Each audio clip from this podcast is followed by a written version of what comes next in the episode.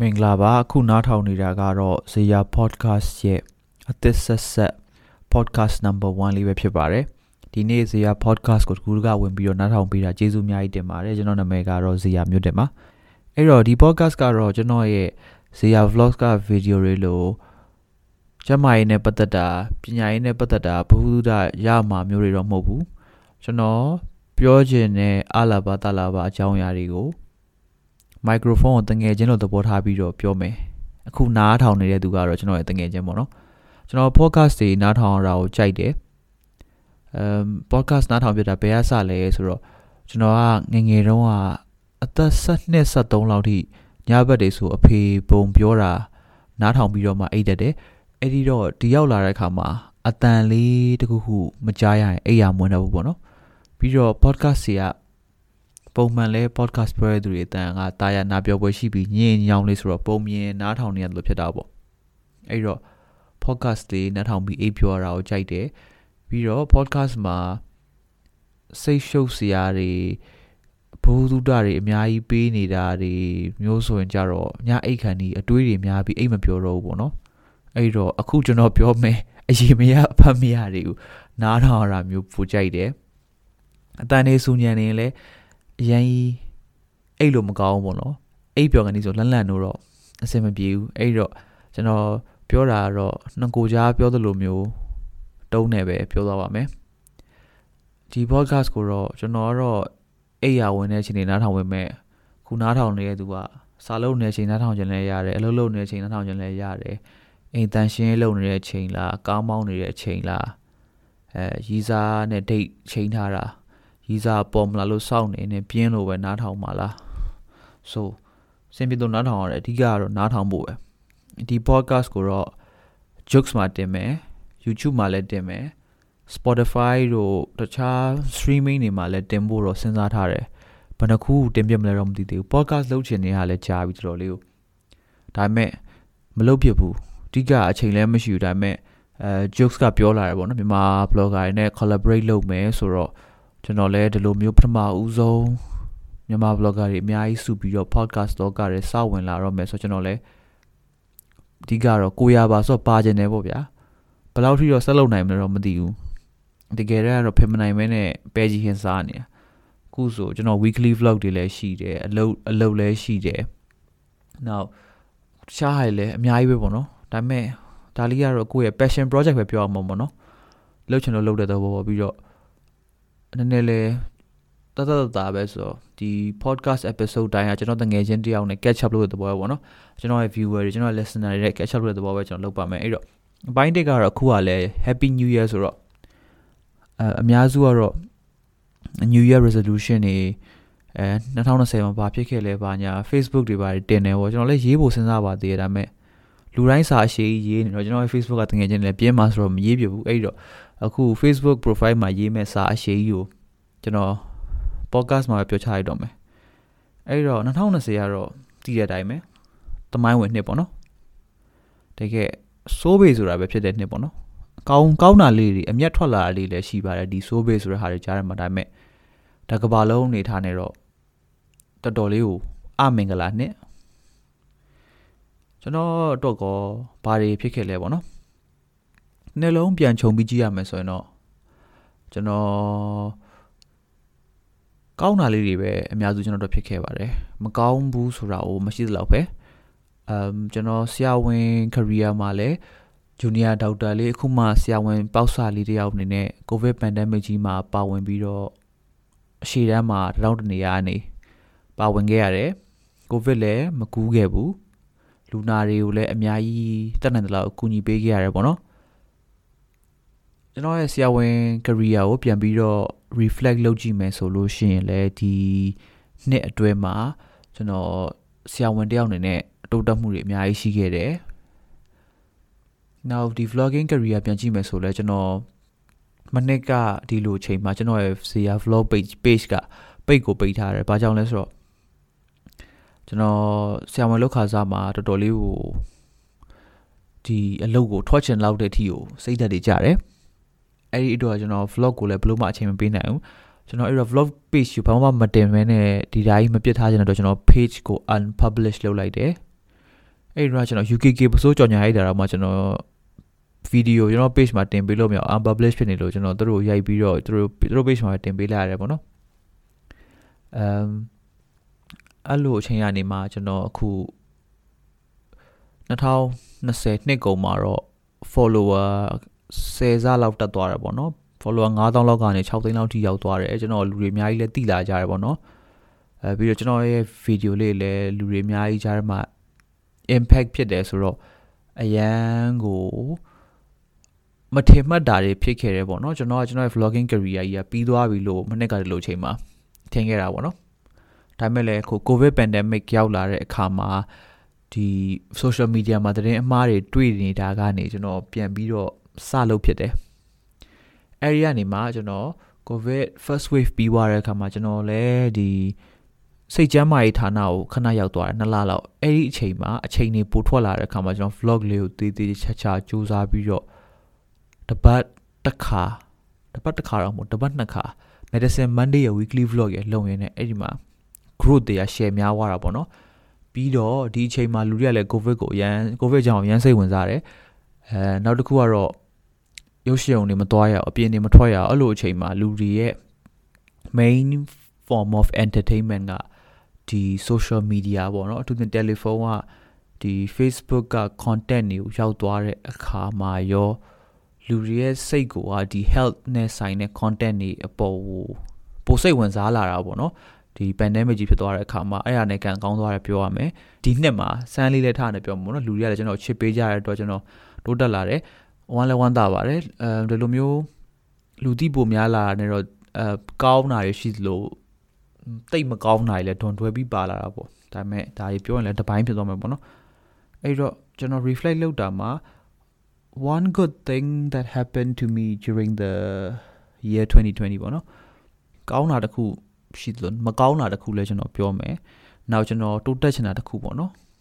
မကောင်းတာတခုကတော့2020တစ်နှစ်လုံးကျွန်တော် family နဲ့ မတွေ့ရသေးဘူးမတွေ့လိုက်ရအောင် pandemic ကြီးဖြစ်နေတာကို2020မှာတကြံမှာပြန်မယ်ပေါ့နော်ဘာလို့ဆိုကျွန်တော်အင်္ဂလန် UK စရောက်ထားကျွန်တော်တကြံတစ်ခါမှတကြံပွဲကိုမကဲရတာကြာပြီမြန်မာပြည်ပြန်ပြီးတော့အဲ့တော့2020 April မှာတကြံမြန်မာပြည်ပြန်ကဲမယ်အုံးလက်မန်းတက်မှာလည်းပတ်မယ် EDM ပွဲတွေလည်းသွားမယ်တငယ်ချင်းတွေနဲ့လည်းကဲမယ်အမေတို့အဖေတို့နဲ့လည်းဆင်နွှဲမယ်ပေါ့အဲ့လို plan ခဲ့တာမဲ့တကြံမှာ COVID ကတော်တော်လေးကိုဆိုးတဲ့ချိန်တွေမှာရောက်နေတော့ကျွန်တော် isolate ပါညာလောက်အောင်ပါနဲ့ဆိုရင်ကျွန်တော်ခွင့်က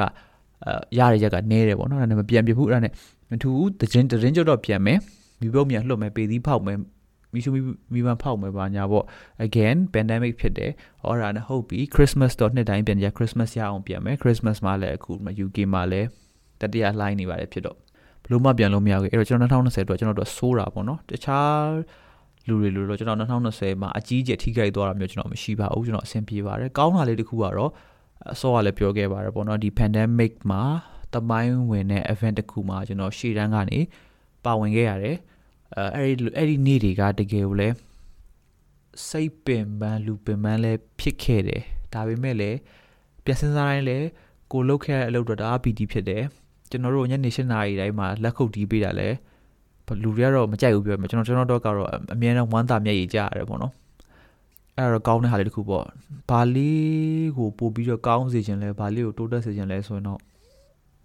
2020ကျွန်တော်တို့အဲစိတ်ကြမ်းမာရေးတော်ထိခိုက်တဲ့နှစ်လို့လည်းပြောလို့ရတယ်ကျွန်တော်ရဲ့ content တွေကြည့်ရင်လည်းသိမှာပါကျွန်တော်စိတ်ကြမ်းမာရေးကိုတော်တော်လေးကိုအားပေးခဲ့တဲ့ content တွေလည်းပါတယ်အဓိကတော့ကိုကိုတိုင်းအားပေးချင်တာလည်းပါတယ်နောက်ကိုလိုလူတွေအများကြီးဖြစ်နေမယ်ဆိုတာရှိနေမယ်ဆိုတာလည်းသိလို့ပေါ့နော် စိတ်ကြမ်းမာရေးဘလို့တိုးတက်အောင်လုပ်မလဲပေါ့နော်အဲ့တော့ဘလို့တွေယိုယွင်းသွားလဲဆိုစိတ်ကြမ်းမာရေးအဓိကယိုယွင်းတဲ့အကြောင်းရင်းကတော့ကျွန်တော်ကိုအမြဲတမ်း recharge လုပ်ပေးနေ family နဲ့မတွေ့ရတာပါမယ်အိမ်မပြန်ရတာပါမယ်အိမ်လွမ်းတာကိစ္စပါမယ်နောက်ဒီ covid covid ကြောင့်အများကြီးပါတာပေါ့နော်အလုပ်တွေများတယ် stress တွေများသလိုဒီအနာဂတ်ကြီးကလည်းမတင်ကြမရေရဘူးနောက်အပြင်ထွက်ချင်လည်းထွက်လို့မရအခန်းထဲမှာပဲလောင်ပိတ်မိနေတာပေါ့နော်အဲနောက်တစ်ခုတော့ stress ကတော့ဒါတော့ကောင်းခြင်းနဲ့အတူတွဲပြီးတော့ပါလာတဲ့ stress ပေါ့နော်ဒီ social media ဒီ content creation ပေါ့နော်အရင်တော့ကတော့တိတ်ပြီးတော့ခုလောက်လူသိမများသေးတဲ့အတွက် post ကိုတင်ကျင်လဲတင်တယ်မတင်ကျင်လဲမတင်ဘူးပြောရရင်လှုပ်ချင်တဲ့ content တွေပဲလှုပ်တာများတယ်ပေါ့နော်ခုကျတော့အပတ်တိုင်း content တွေပေးလာတဲ့အခါမှာကျတော့ကိုယ့်ရဲ့ဝါသနာကနေအလုတ်ကြီးဖြစ်သွားတော့အရင်တော့အရင်တော့တိတ်ပြီးပြောမကောင်းတော့ဘူးပေါ့နော်ပြီးတော့အမ်ဒီလူတွေအများကြီးနဲ့ဆက်ဆံရတာပေါ့နော်ကျွန်တော် introverted တာဖြစ်တယ်အဲ လူတွေအများကြီးနဲ့ဆက်ဆံအရန်လူကတောင်းအောင်ပင်ပန်းနေအခုကျတော့ဒီကျွန်တော်ရဲ့ viewers တွေနဲ့စကားပြောရတယ်ကျွန်တော်ရဲ့ potential client တွေနဲ့စကားပြောရတယ်ပြီးတော့အခုဆိုရင်ကျွန်တော်အဲ့လိုပွဲတွေအများကြီးဖိတ်တယ်ပေါ့နော်ဘယ်လူငယ်ဖွဲ့စည်းရဘယ်ကျောင်းကဘယ်တက်ဆိုစကားလာပြောပေးပါအဲ့လိုမျိုးတကယ်ပြောပေးချင်ပါတယ်ဒါပေမဲ့ကျွန်တော်အချိန်ပေးရတယ်နောက်ကျွန်တော်အရန်စဉ်းစားရတယ်ပေါ့နော်စကားပြောလို့ရှင်အမားပါလို့လည်းမရဘူးလी အဲ့ဒါကြတော့လူတော်တော်ပင်ပန်းတာပေါ့နော်အဲ့လိုလူပင်ပန်းလာတဲ့ခါမှာလူကဒေါင်းသွားလို့ရှင်ကြတော့အဲ့လိုမကောင်းတဲ့အတွေးတွေဝင်တာပေါ့နော်အဲ့လို depression ဝင်တာတွေ anxious ဖြစ်တာတွေအမ်ဒါရ2021မှာတော့ပို့ပြီးတော့ဒီ work life balance လည်းမျှမယ်အဲမကောင်းတဲ့ emotions တွေကိုလည်းအကောင်းဘက်ကိုသွားနိုင်အောင်စူးစမ်းကြတယ်ပေါ့ဒါစူးစမ်းကြတဲ့ຢာတွေပါအဲ့တော့2020အတွင်းမှာဘယ်အရာတွေကိုကြိုက်ခဲ့လဲပေါ့နော် ကျွန်တော်က music ကိုအရင်ကြိုက်တယ်ကျွန်တော်ထင်တယ်လောကမှာအကြိုက်ဆုံးအရာတွေကိုရွေးပါဆိုကျွန်တော်တို့ကအစားအသောက်ရဲ့ music ရဲ့ပဲပေါ့နော်အဲ့တော့2020မှာလည်းကျွန်တော်တချင်းတွေအများကြီးနှထောင်ပြတယ်ပြည်တွင်းရောပြည်ပရောသူ့အပြင်ကျွန်တော်ပြည်တွင်းတွေပုံနှထောင်ပြတယ်ပြည်တွင်းမှာမှကျွန်တော်ပေါပေါရှာလိုက်ရှာပြီးတော့နှထောင်ရတယ်ပေါ့နော်အကုန်နှထောင်တယ်ကျွန်တော် SoundCloud တွေပါတယ်အဲ့လို underground genre လည်းမရွေးဘူးဗျာငငယ်တော့ rapper ပါ rap rap အရင်ကြိုက်တယ်ပေါ့နောက်ပိုင်းတော့အကုန်နှထောင်တယ်အမ်အဲ့တော့2020တော့ကျွန်တော်အကြိုက်ဆုံးနေပြောရလို့ရှင်ကျွန်တော် album အနေနဲ့ပြောမယ်ဆိုကျွန်တော် sick ပေါ့နော် Saw Jordan Steel Zig ရဲ့လှပသောငါအတွေးဆိုတဲ့ album ကိုတော်တော်လေးကိုကြိုက်တယ်အဲ့ album က2020နှစ်ဦးပိုင်းမှာထွက်တာဖြစ်လိမ့်မယ်လှပသောငါအတွေးဆိုတဲ့အတိုင်း Zig ရဲ့တကယ်လှပတဲ့အတွေးကိုတွေးနိုင်တယ်ပေါ့နော် သူတချင်းနေရတော့ကျွန်တော်ထင်တယ်သူညဘက်တွေအဲ့လိုည3နာရီ4နာရီအဲ့လိုသူနည်းနည်းအထီးကျန်ပြီးတော့ဘယ်လိုပြောရမလဲနည်းနည်း fee နေတဲ့အချိန်မှာရေးထားတဲ့ချင်းမျိုးတွေဖြစ်လိမ့်မယ်ပေါ့နော်အဲ့လို၄နာရီနဲ့၈မိနစ်တို့ခေါင်းအုံတို့ coffee တို့ဆိုအကုန်လုံးအဲ့ဒီ vibe တွေရတယ်အဲ့လိုအိတ်မပြောတဲ့ vibe ပေါ့နော်အိမ်မရတော့ချိန်မရှိတော့ဘူးပြောပါဦးငါခေါင်းအုံတို့ပါအဲ့လိုမျိုးဆိုတော့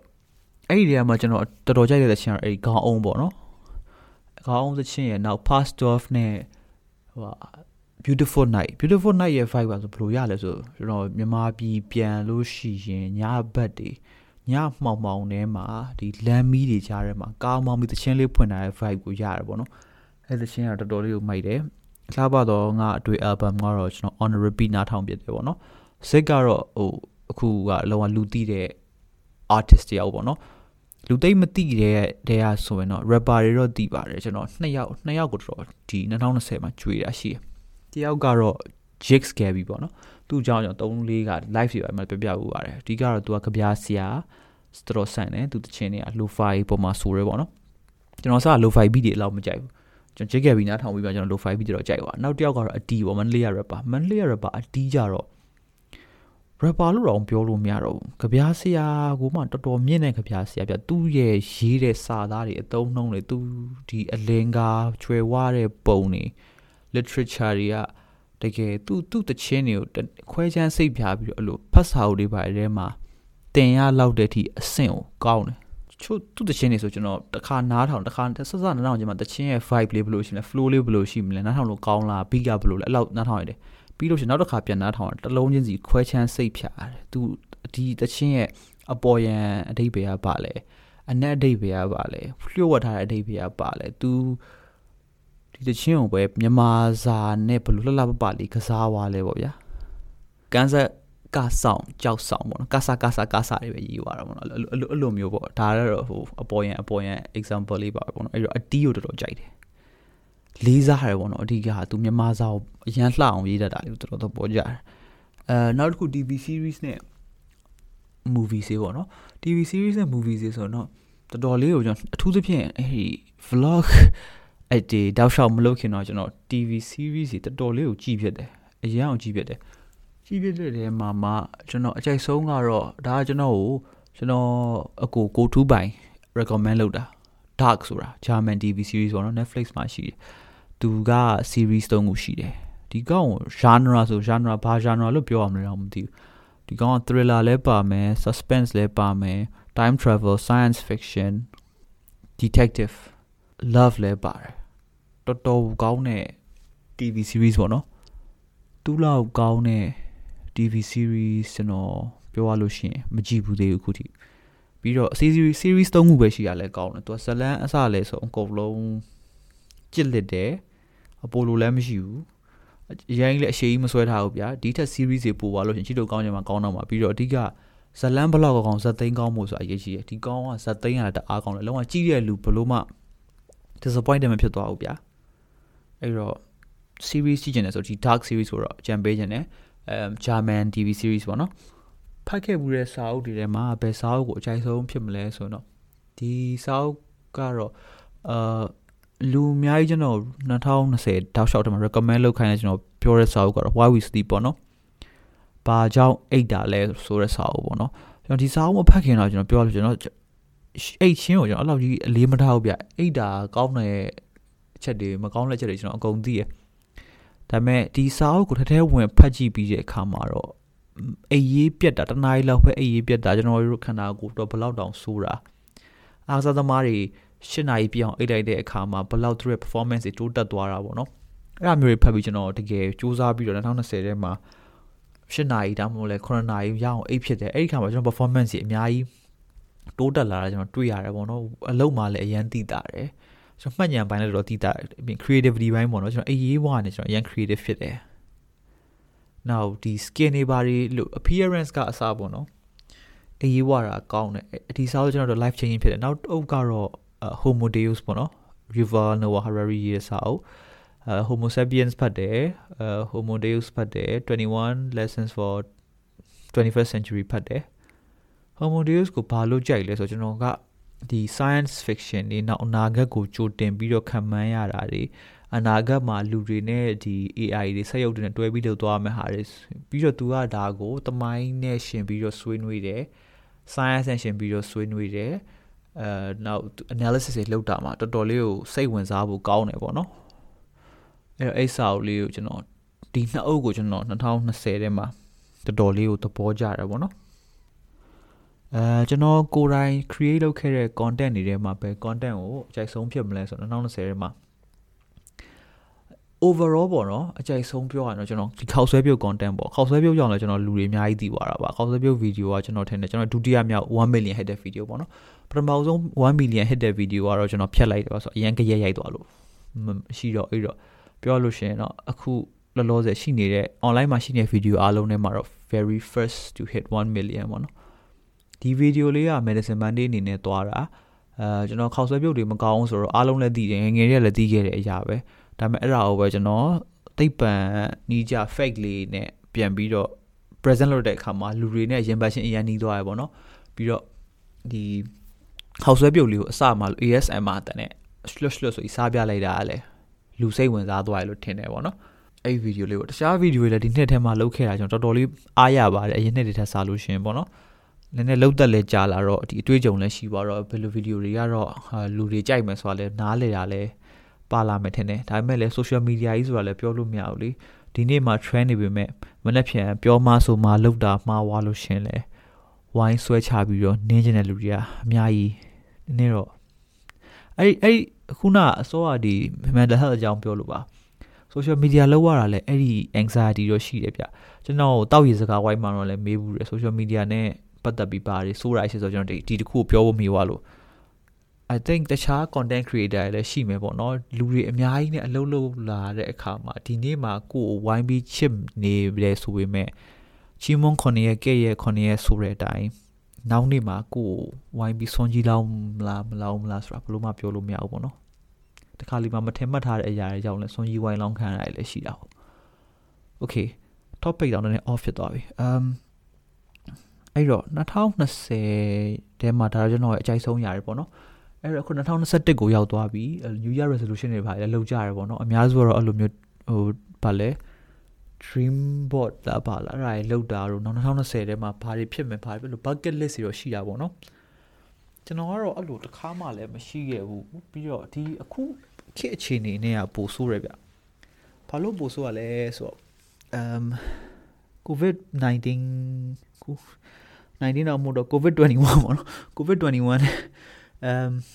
ဘယ်အရာမှမသေးကြဘူးပြီးတော့အထူးသဖြင့်ကျွန်တော်ဟဲ့အရင်ရန်ရင်းနှီးတဲ့သူတွေရဲ့မိတ်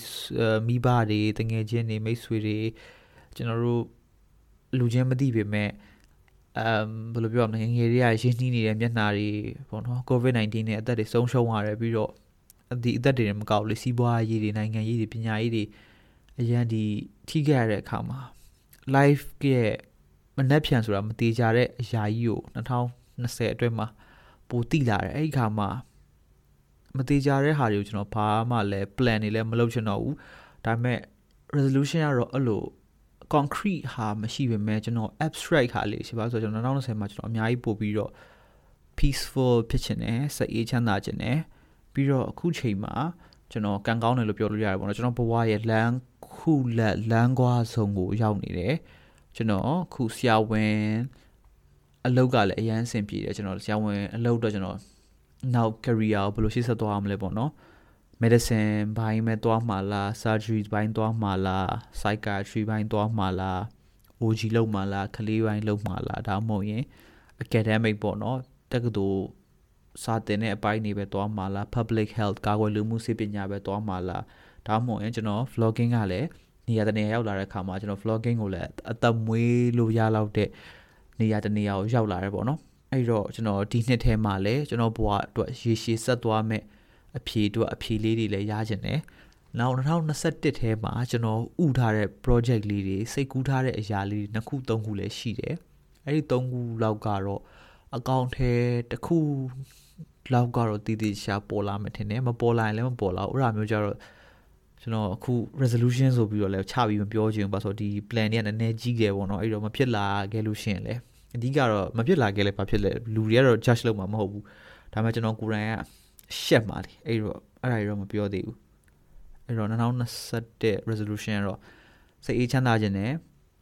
အမှန်ကန်တဲ့ဆုံးဖြတ်ချက်တွေချနိုင်ခြင်းနဲ့ခုလည်း ဒီကျွန်တော်ဝါသနာရဗီဒီယိုလုပ်တဲ့အခါမှာကျွန်တော်လူတွေအပေါ်ကောင်းတဲ့ influence တွေကျွန်တော်ပေးနိုင်တယ်အဲ့တော့ hopefully ကောင်းတဲ့ influence တွေလည်းဆက်ပေးနိုင်ပါစေလို့ဆုတောင်းတယ်။ Now ကျွန်တော်မှာအသက်ကြီးပြီဖြစ်တဲ့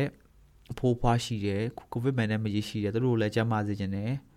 ကိုဗစ် pandemic ကြီးလည်းအမြန်ဆုံးပြီးသွားခြင်းနဲ့ပေါ့ဗျာဒါတွေကတော့ကျွန်တော်ရဲ့ resolution တွေပါပဲနောက်ဥထားတဲ့ plan လေးတွေလည်းအကုန်လုံးအောင်မြင်ပါစေပေါ့ anyway အခုနားထောင်ခဲ့တာကတော့ Zia podcast အပိုင်း1ပဲဖြစ်ပါတယ်ကျွန်တော်ရဲ့ podcast မိနစ်20ကျော်စာကိုအစားဆုံးနားထောင်ပေးတဲ့အတွက်ကျေးဇူးအများကြီးတင်ပါတယ်နောက်တစ်ပိုင်းမှာဆက်ပြီးတော့တွေ့ပါဦးမယ်